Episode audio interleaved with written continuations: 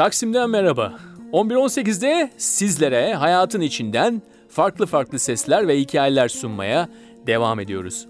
11-18 podcastlerine bir akıllı telefon veya bilgisayardan istediğiniz her an erişebilirsiniz. Otobüste veya metroda, işinizi yaparken arka planda veya öğle yemeği molasında podcastlerimizi dinleyip farklı dünyalara birer pencere açabilirsiniz. Bu arada bize hikaye göndermek artık çok kolay.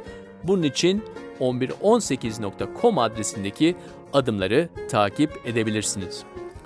Bu haftaki Pencere programımızda 76 yıllık ömrüne sanatın hemen hemen her dalını sığdırmış olan Gürol Sözen var.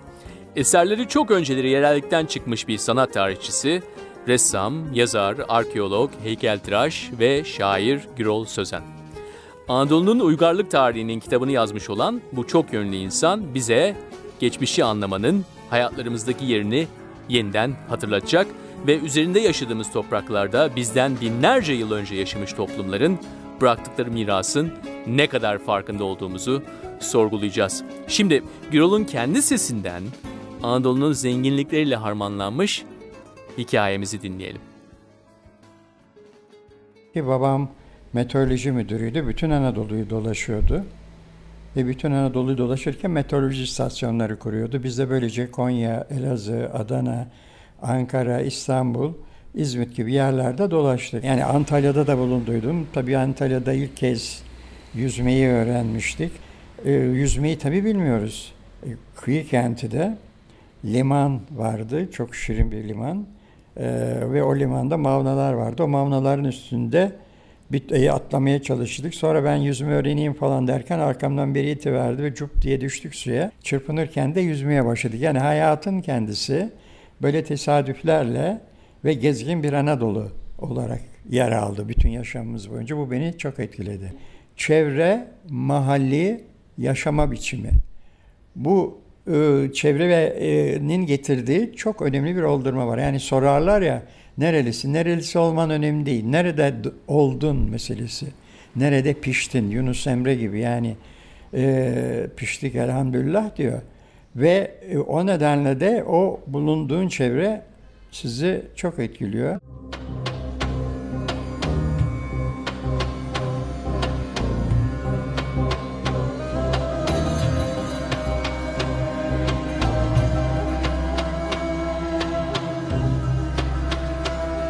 Neyi yaparsanız yapın, neyi düşünürseniz düşünün, mutlak arkasında bir geçmiş vardır.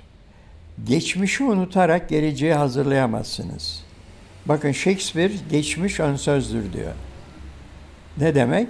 Yani 13. yüzyılda yaşamış İngiliz şairi bilgesi geçmiş ön sözdür diyor. Ben geçmişimi bilmeden ilerleyemem diyor.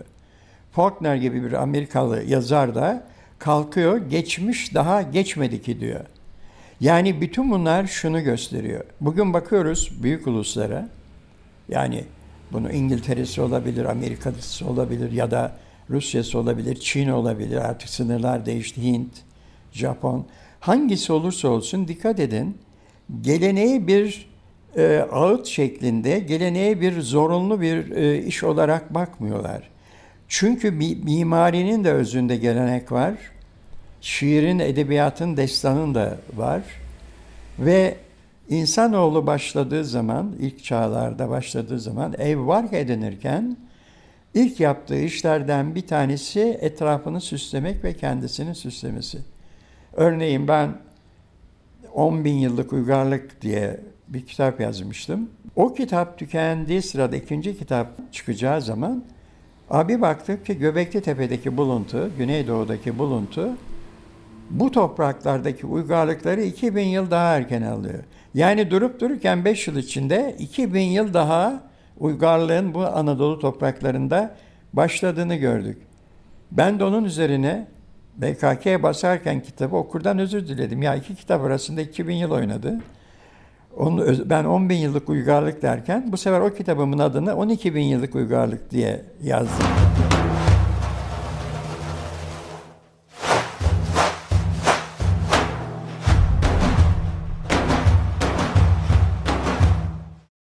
Mağara dönemini düşünelim.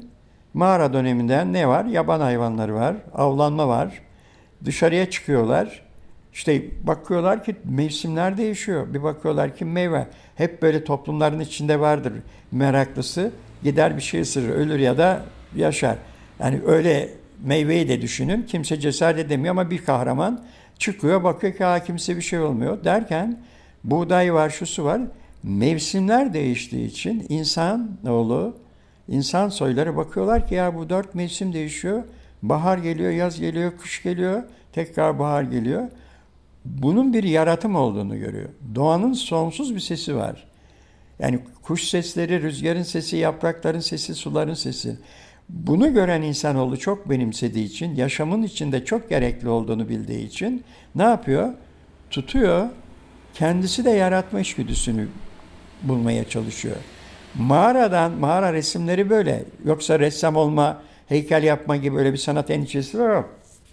Sanat kavramı 19. yüzyılda çıkan, daha doğrusu adlandırılan 18. 19. yüzyılda.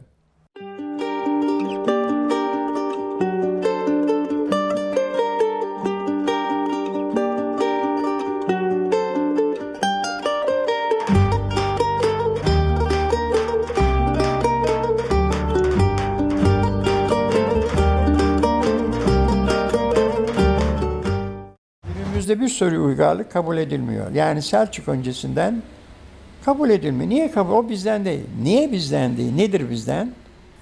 Anadolu olan Hititler, Frigyalılar, İyonyalılar, tabi bu arada Urartular veyahut Komagene İmparatoru Nemrut Dağı'ndaki bizden olmaz mı? Bizim topraklar değil mi? Herkes gidiyor Nemrut'a değil mi? Nemrut'ta tanrı heykelleri var gidiyor. Komagene İmparatoru.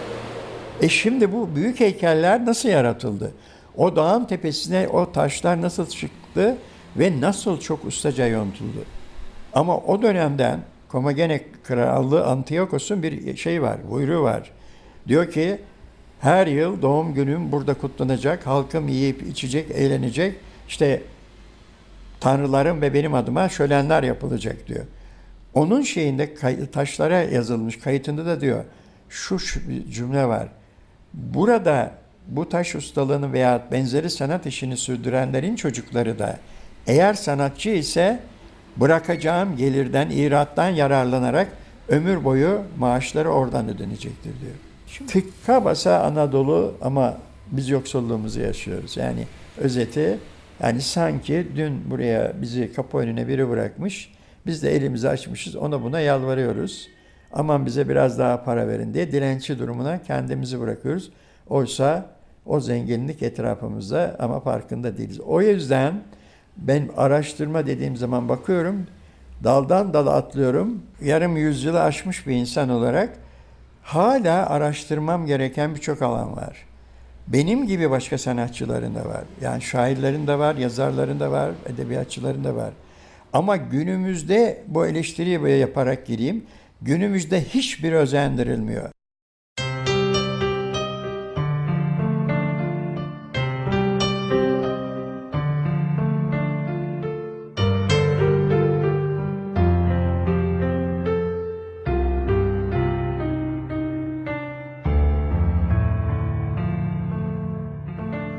Ben Güzeli Arayış niçin ismini koydum kitabımda?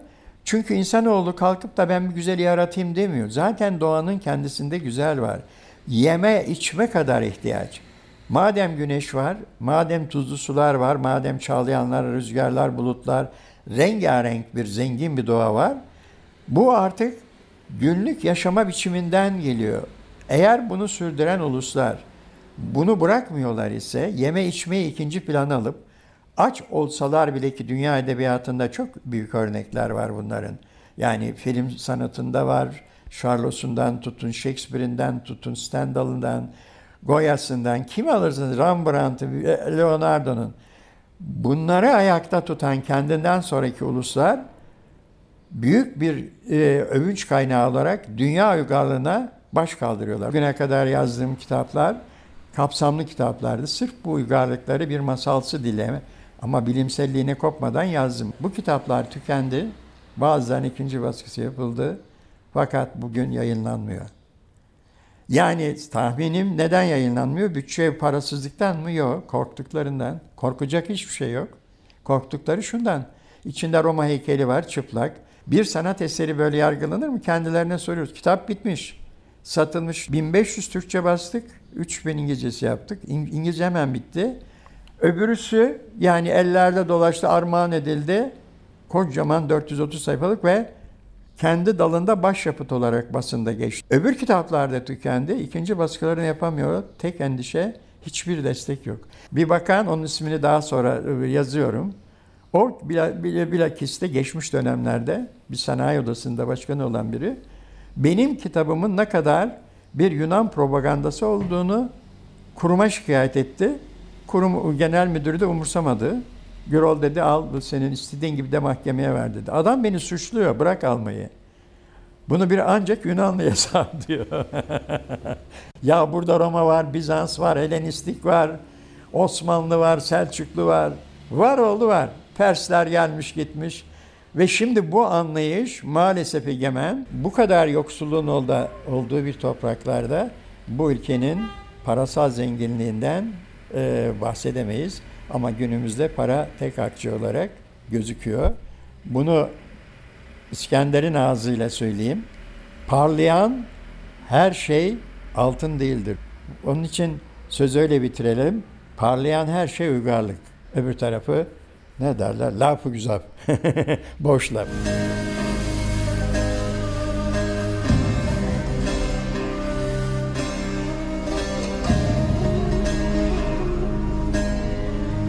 Bu haftalık bu kadar.